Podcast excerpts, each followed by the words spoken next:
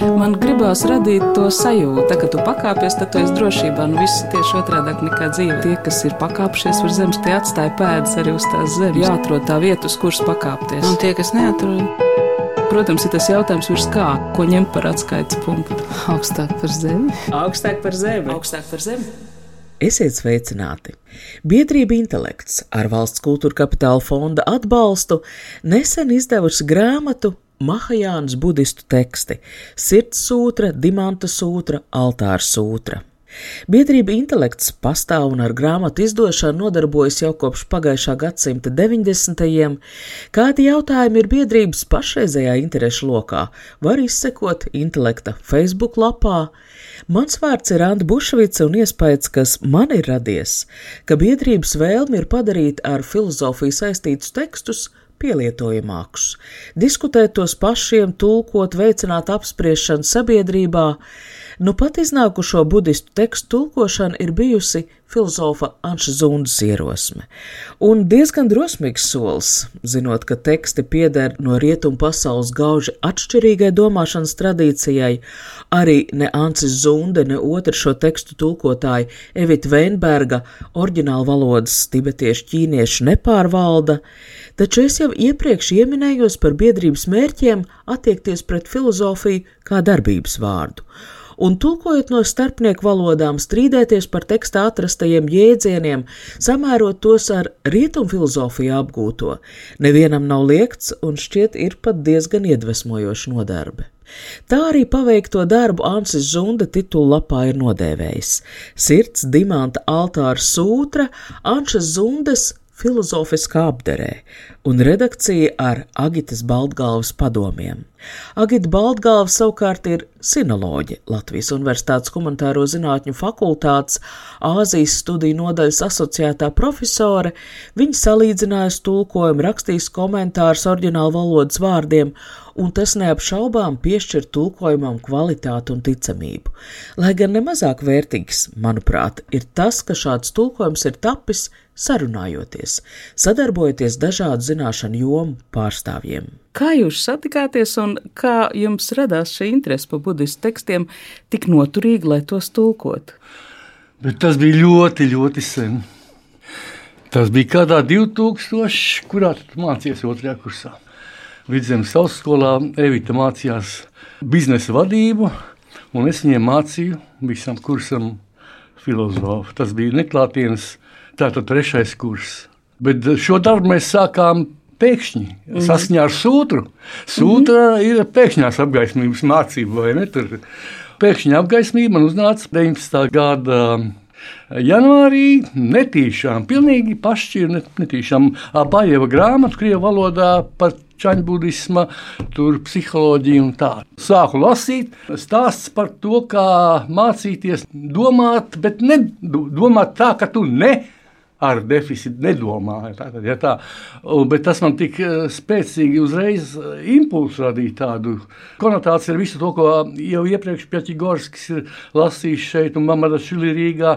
Un vēl senāk man studiju gados, kādās 70, 5, 6 gadā pirmoreizīgā parādījās eh, Mamada Šili un Pjaķigorskas saruna par Vižņāna vārdu. Tas ir par apziņas mācību Indijas budismu vienā no skolām.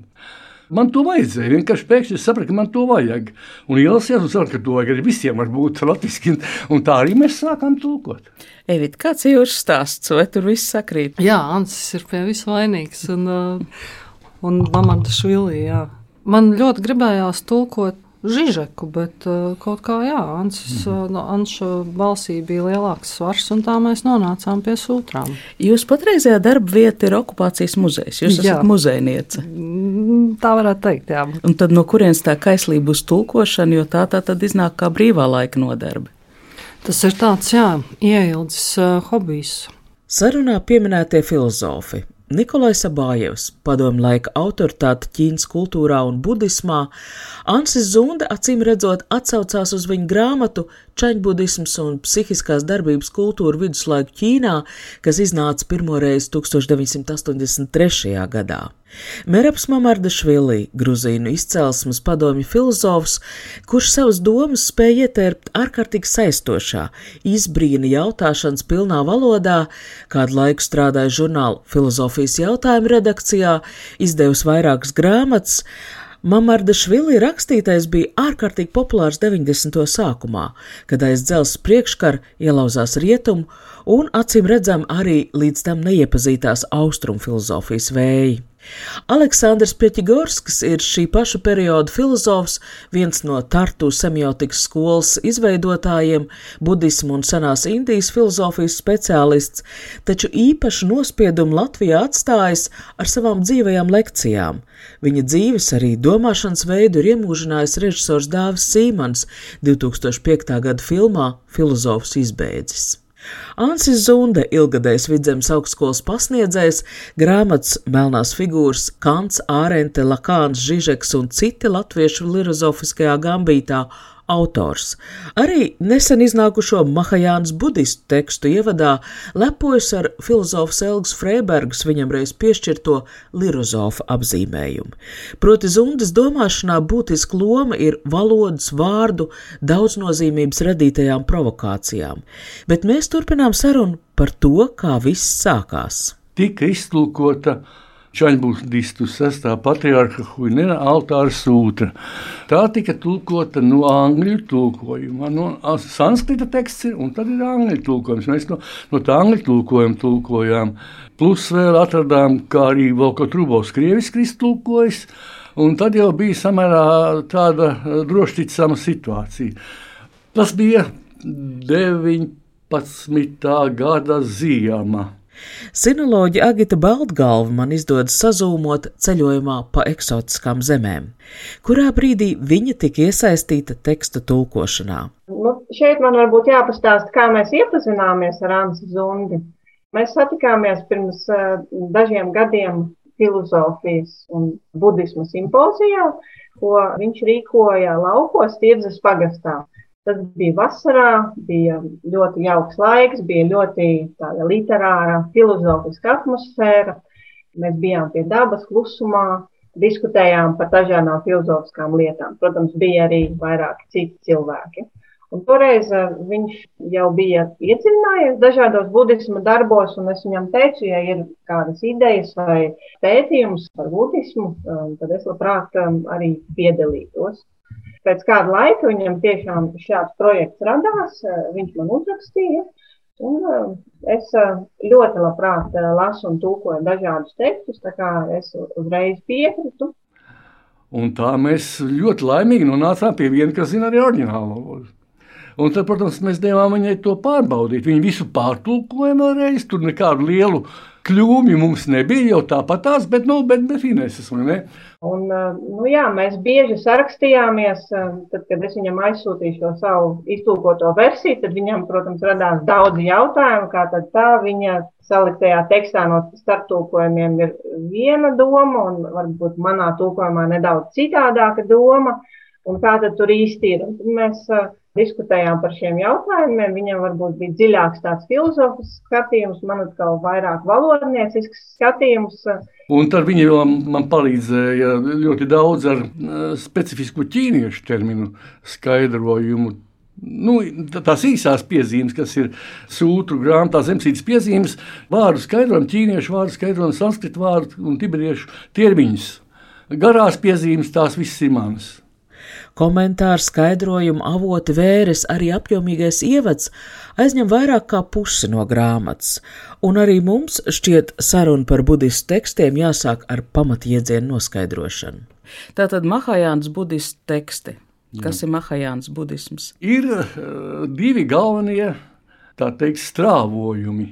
Ir Mahajāna, jeb latviešu sakot, lielais ceļš, jeb lielā mācība, lielie rati arī Jāna ir ceļš un rati, nu, tur tā sanskritā ir par to, ka tā bija jāna. Un ir tas, ko mahājānisti sauc par hinājānu, bet patiesībā tā nevajag darīt, jo hinājāna ir zemais, sīkais, nu, netik labais ceļš, vai ne? Bet paši tie hinājānisti tā sauktie sevi sauc par Tēravādistiem. Tēravādi ir senajo mācība. Un jo senāks, jo labāks, jo gudrāks un pamatīgāks, jo drošāks. Budismā ir vairāk novirzieni. Sākotnējais eh, budisms, eh, kas radās Indijā, tiek dēvēts par teravādu. Tā ir viena no senajām skolām, kas ir vēl saglabājusies. Un tur arī tika radīts pirmais kanons, bet uh, tie ir citi teksti. Mahajānas nu, tradīcija radās mūsu ēras sākumā Indijā, un uh, izplatījās arī Ķīnā, Tibetā, Japānā un citur. Tad vēl arī ir Vāģējāns budisms, kas ir izplatīts vairāk Tibetā un dažās citās vietās. Un šie Mahajānas teksti, īstenībā tādi oriģinālai Mahajānas teksti ir divi - sirds sūtra un dimanta sūtra. Ir pavisam mazas daļiņas no liela, milzīga tekstu kopuma, kas saucās Prāģņā pāramitā. Tas ir pilnīgās gudrības sūtra vai gudrības pilnības sūtra. Un šī gudrības pilnības sūtra radās ap mūsu ēras sākumu līdz apmēram 5. gadsimtam. Nav precīzi pasakāms, kad veidojās šie teksti, bet apmēram tajā laikā. Un tā tad arī dimanta un sirds sūtra nāk no šī laika. Pirmajos gadsimtos tās tika pārtulkotas ķīniešu valodā, un ap 7. un 8. gadsimtu tās tika pārtulkotas tibetiešu valodā. Bet ir svarīgi tas, ka vissenākās versijas ir saglabājušās tieši ķīniešu valodā. Tātad oriģināli manuskripti, kas ir atrasti, gan Dimanta, gan Sirds sūtrai, nav saglabājušies sanskritā, bet vissenākie oriģināli, kas ir atrasti, tie ir ķīniešu valodā. Vai varat kaut kā, nu tātad šie divi virzieni, bet no ar ko viņi atšķirās? Nē, no praksēm. Galvenais, ja es, cik es saprotu, jo es tā uh, pavisam pilnu muti pa budismu un, un neuzbraukšanās runāju, bet tā, cik es saprotu, tāda vispār budismā galvenais nav kaut kādas mācības, bet prakses. Kas šitie ir svētie raksti? Varētu tā teikt, bet, bet uzreiz, bet Svētie viņi ir kaut kādā dīvainā vārda svētie nozīmē. Paraugi, mums ir svētais Augustīns, svētais Toms, viņi ir svētie vīri, tādi baznīcas tēvi un tā tālāk. Viņi paši ir svēti. Budistā nu, tādu cilvēku nav, Buda nav nekāds svētais. Bet Buda ir svētīgais. Viņš ir tas, kas nes svētību. Viņam ir tādas funkcija, tā, nu, vulgāri sakot, funkcija. Viņa daba ir tāda, viņa klātbūtne ir svētīga. Visiem nes apgaismību, saudzību, žēlastību un tā tālāk. Un tā joprojām. Nu, izstaro svētību. Tā aspekta, kas ir Augustīnam, kā svētiem, vai Tomam, kā svētam, viņiem nav. Jo nav nekā tāda kā patība. Nu, ir Augustīns, mēs domājam, ka viņš ir personība un liela, liels vīrs. Ne? Nekā tāda budismā nav un nevar būt pēc definīcijas. Jo tu liecies lielāks un varenāks, jo tas ir dumjāks patiesībā. Nekā tāda nav. Kas jums piesaistīja pie šiem tekstiem? Nu, lai tik ilgi ar to darbotos, nu kaut kādai sajūtām bija jābūt. Nu, budisti noteikti teiktu, ka tās ir uh, labās karmiskās saites, kas, kas mūs pie tā noveda. Tostarp arī man. Jā, nu, cita izskaidrojuma tur nav. Tās karmiskās saites, viņas nevis vienkārši ir, tas nu vēl tā, bet viņas darba gaitā aktīvi aktualizējis, aktivējis. Nu, tā bija blīva bauda vispār tulkot un atrast dažus tulkojumos vārdus, kā vajag latviešu to tulkot. Un turklāt viss tā atzīt. Tā mums gāja grūti, bet ar lielu iedvesmu.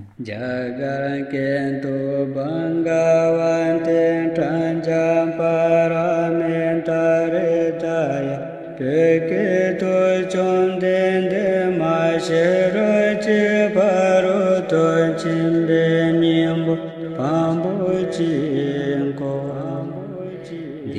kenda kentum bantu chi na chon den de jabun ka chag pum bore la gelong ke gendu chen bon Sirds sūtra ir visīsākā, un nekāda lielā noslēpuma, kas tajā rakstīts, kā tā skan ķīniešu vai tibetiešu valodā, nav. Internetā YouTube bez grūtībām atradīsiet vairākas tās skandēšanas versijas, sākot ar lasījumu klusumā, tulkojumiem dažādās valodās, beidzot ar popmūzikas ritmos ietērptiem variantiem. Sirds sūtrē ir divas versijas. Kāda starpība no tibetiešu un no ķīniešu manuskripta? Tibetiešu versija, garāka versija ir izvērstāka. Es šo sūtru domāju sevi kā kaut ko līdzīgu kā mums, kristiešiem, ir nu, teiksim, ticības apliecinājums kaut ko tādu.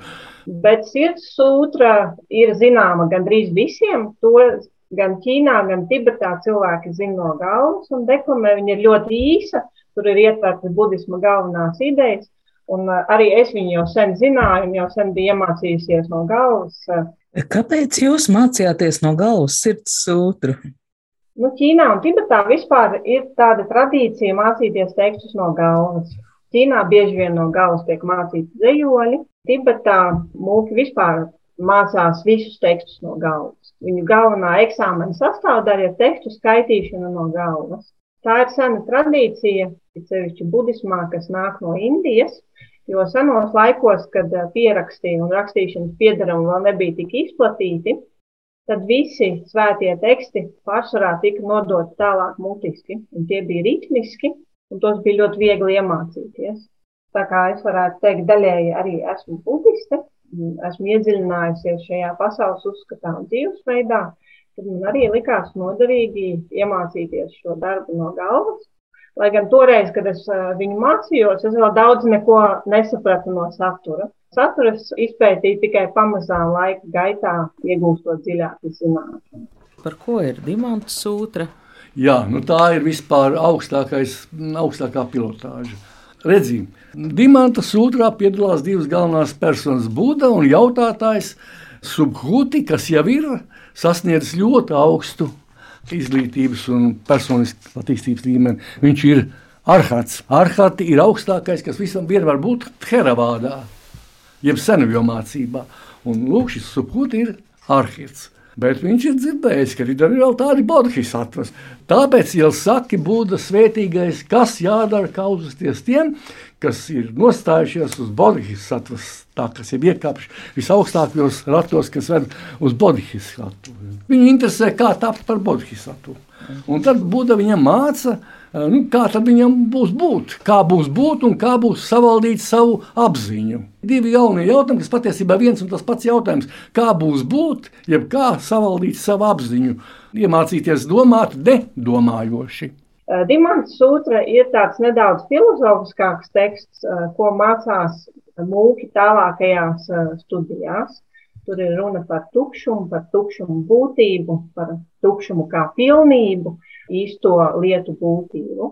Tad šīs divas sūtras var teikt, ka ir zināmas visiem budistiem un visās zemēs, un tas ir pats pamats. Bet ķīniešu čenbudismu patriārka Huinan sūtra ir nu, tāds teksts, kas vairāk zināms Ķīnā, un to varbūt vairāk izpēta zinātnieki tādā akadēmiskā vidē.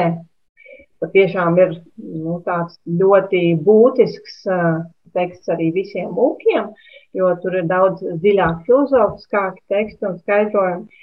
Bet šis ir teksts, kas pilnīgi pārvērta ķīniešu budismu, parādot tādu pēkšņu apgaismību, norādot, ka cilvēka īstā būtība ir viņā pašā un ka viņam ir jāmeklē sava pirmotnējā būtība, tā viņš arī var atklāt patiesību, un tā nav nekur ārpusē, tikai sevī pašā. To sauc par pēkšņo apgaismību. Un šī pēkšņa apgaismības ideja patiešām kļuva ļoti populāra un uh, izplatījās gan Japānā, gan Korejā, gan citās valstīs.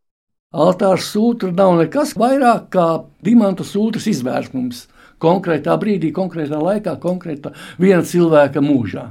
Altāra sūtra ir uh, radusies tieši Ķīnā, Un tas ir ķīniešu budisma domātāja darbs. Šo sūtru arī nesen iznākušajā latviskojumā ievada mūka Fahaja priekšvārds, kas iepazīstina ar dižmeistara Huinena dzīvi, kurā, protams, būtiskais ir atklāsmes un brīnumaini notikumi.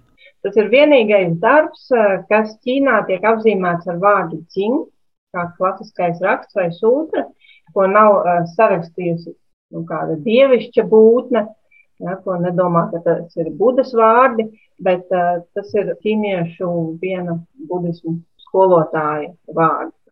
Nu, lasīt šo grāmatu tas nav ļoti viegli. Kas varbūt ir tie pamatpostulāti, pamatjēdzieni, kas jāaptver, nu, lai vispār ķertos klāt šādam tekstam? Jā, ir ļoti daudz pamatjēdzienu, un tieši sirds un uh, dimanta sūtrā ir tāda šo pamatjēdzienu koncentrācija. Viņi jau visi ir jāzina, viņu nozīmes un viņu skaidrojumi. Bet par budismu vispār kopumā runājot, um, latvieši man liekas, ka ir ļoti tuvu budismā pirmotnējai domai un īstajai būtībai, jo latviešu valoda ir ļoti radniecīga ar sanskritu, un sanskrits ir budisma pirmvaloda. Ja mēs salīdzinām latviešu valodu ar sanskritu, tad tā ir vairāk kopības nekā ar visām citām apkārtējām valodām.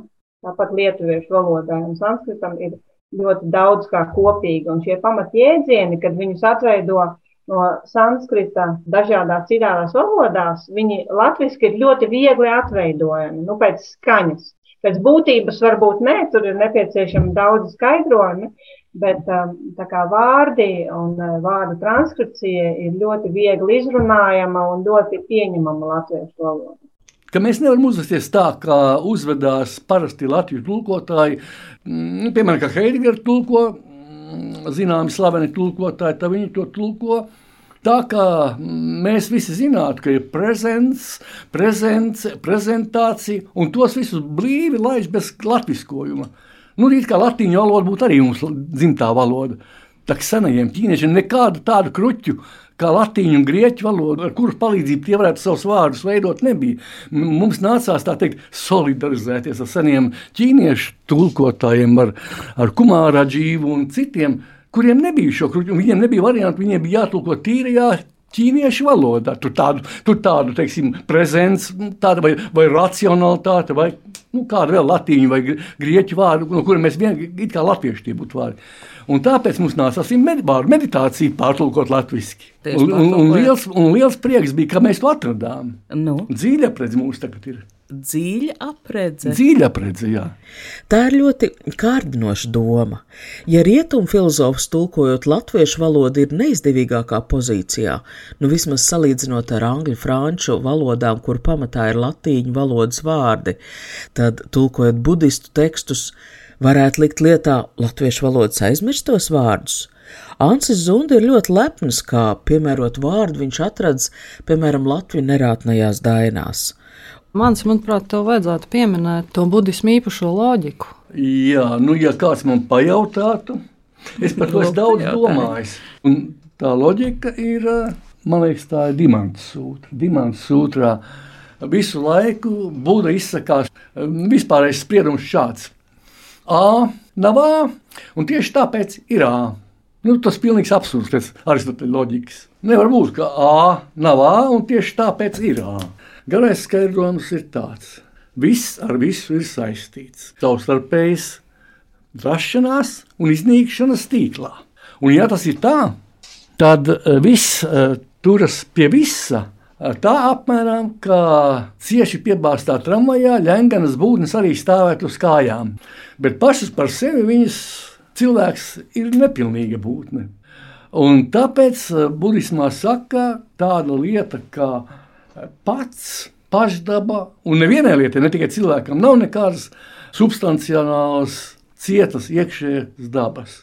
Ir tikai savstarpēja atkarība ar mēru. Uzliesmo pēc Heraklēta uguns un mēru nodzies. Tāpat arī budismā. Tu kādu laiku tur var turēties tajā, bet vispār jau nu, principā, tas, ko Eiropas filozofijā sauc par substanci, kas ir visu pamatā, budismu, visu pamatā ir tukšums. Lūk, un tas tukšums tā, īstais ir, kas nosaka to, ka nu, šī cepura nav nekāda cepura. Nu, nu, tieši tāpēc viņa ir cepura. Proti, viņu sauc par cepuri uz īsu laiku. Otrs skaidrojums ir, ka vispār eh, samsāras ratā, dzīve kā samsāras rats, ir ilūzijas šķitums, sapnis. Un uh, valoda šā sapņa iekšienē ir vēl viens sapnis, kuru sapņo pats sapnis. Valoda galīgi, galīgi nedrošs sapņa uh, līmenī esošs veidojums lielā samsāras sapniekšienē. Un tā apmēram jūs tulkojāt. O, Kā mēs, notika? mēs kaislīgi strīdējāmies. Simpozijas tas bija labs. Tajā mēs daudz par runājām par šīm lietām.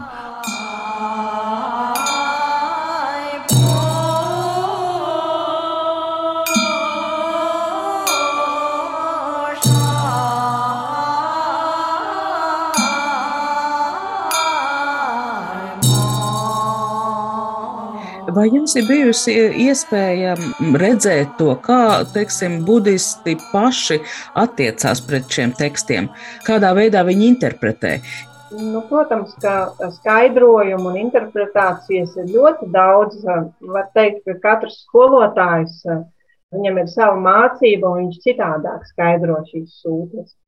Budistu teksti netiek lasīti nu, kā grāmata, bet viņi tiek skaidroti. Tiek paņemts viens teikums, un tad skolotājs auditorijai skaidro šo vienu teikumu kāda ir tiešā nozīme, kāda ir pārnestā nozīme, kāda ir viņa interpretācija ar dažādiem piemēriem.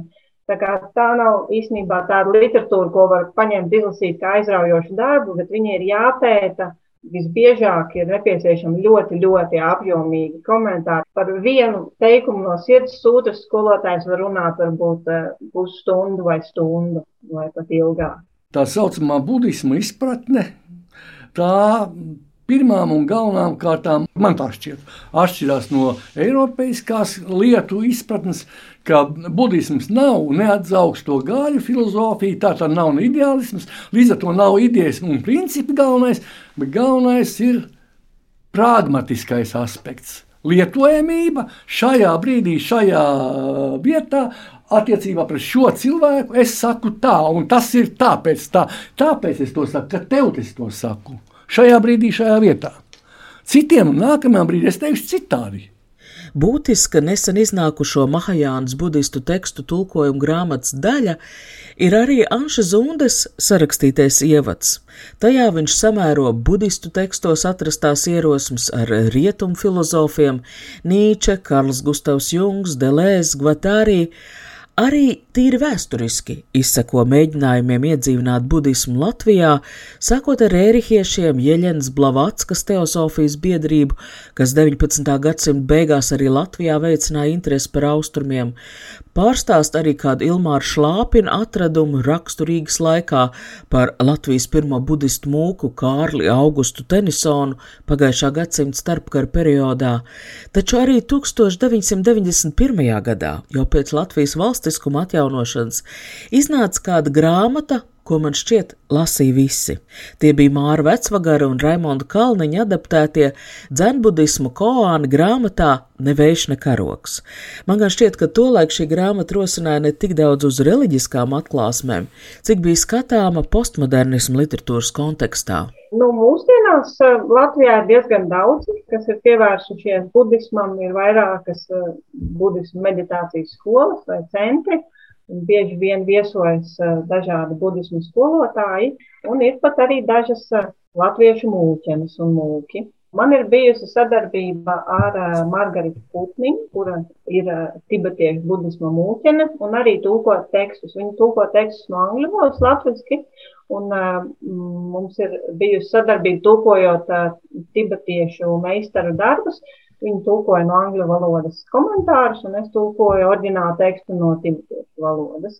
Un arī šie darbi ir publicēti, un nu, bija diezgan veiksmīga šī sadarbība. Viņa vairāk no praktizētāja viedokļa varēja pateikt, kādi šie termini, kādi viņi ir, ko tas nozīmē dzīvē. Un es atkal skatījos tieši no tibetiešu valodas, kā precīzāk Um, tas ir izteikti tibetiešu valodā un kā to varētu labāk atveidot uh, latviešu. Bet es zinu skaidri, ka latviešu valodā vēl ir iztulkots, bet ne sevišķi labi iztulkota ārija sanhāta sūtra, jeb tā tad cēlās sanhas, jeb cēlās kopības sūtra, uh, ko viens austrāliešu latviešu iztulkojis uz simt lapusiem apmēram. Nu, tā kā ko darīt ir? Paldies par sarunu! Grāmatas Mahajānas budistu teksti, sirds sūtra, dimanta sūtra, altāra sūtra tulkotājiem Ansim Zundem, Agitai Baltgalvai, Evitai Veinbergai. Ar jums kopā bija Anta Bušvica, šī raidījuma skaņoperators Valdis Raitums. Grāmata padevusies arī vizuāli ļoti skaista. Tā nav viegli lasām, un tomēr ir aizraujoša, jo sakustina tālāk domāšanai ārkārtīgi daudzas tēmas.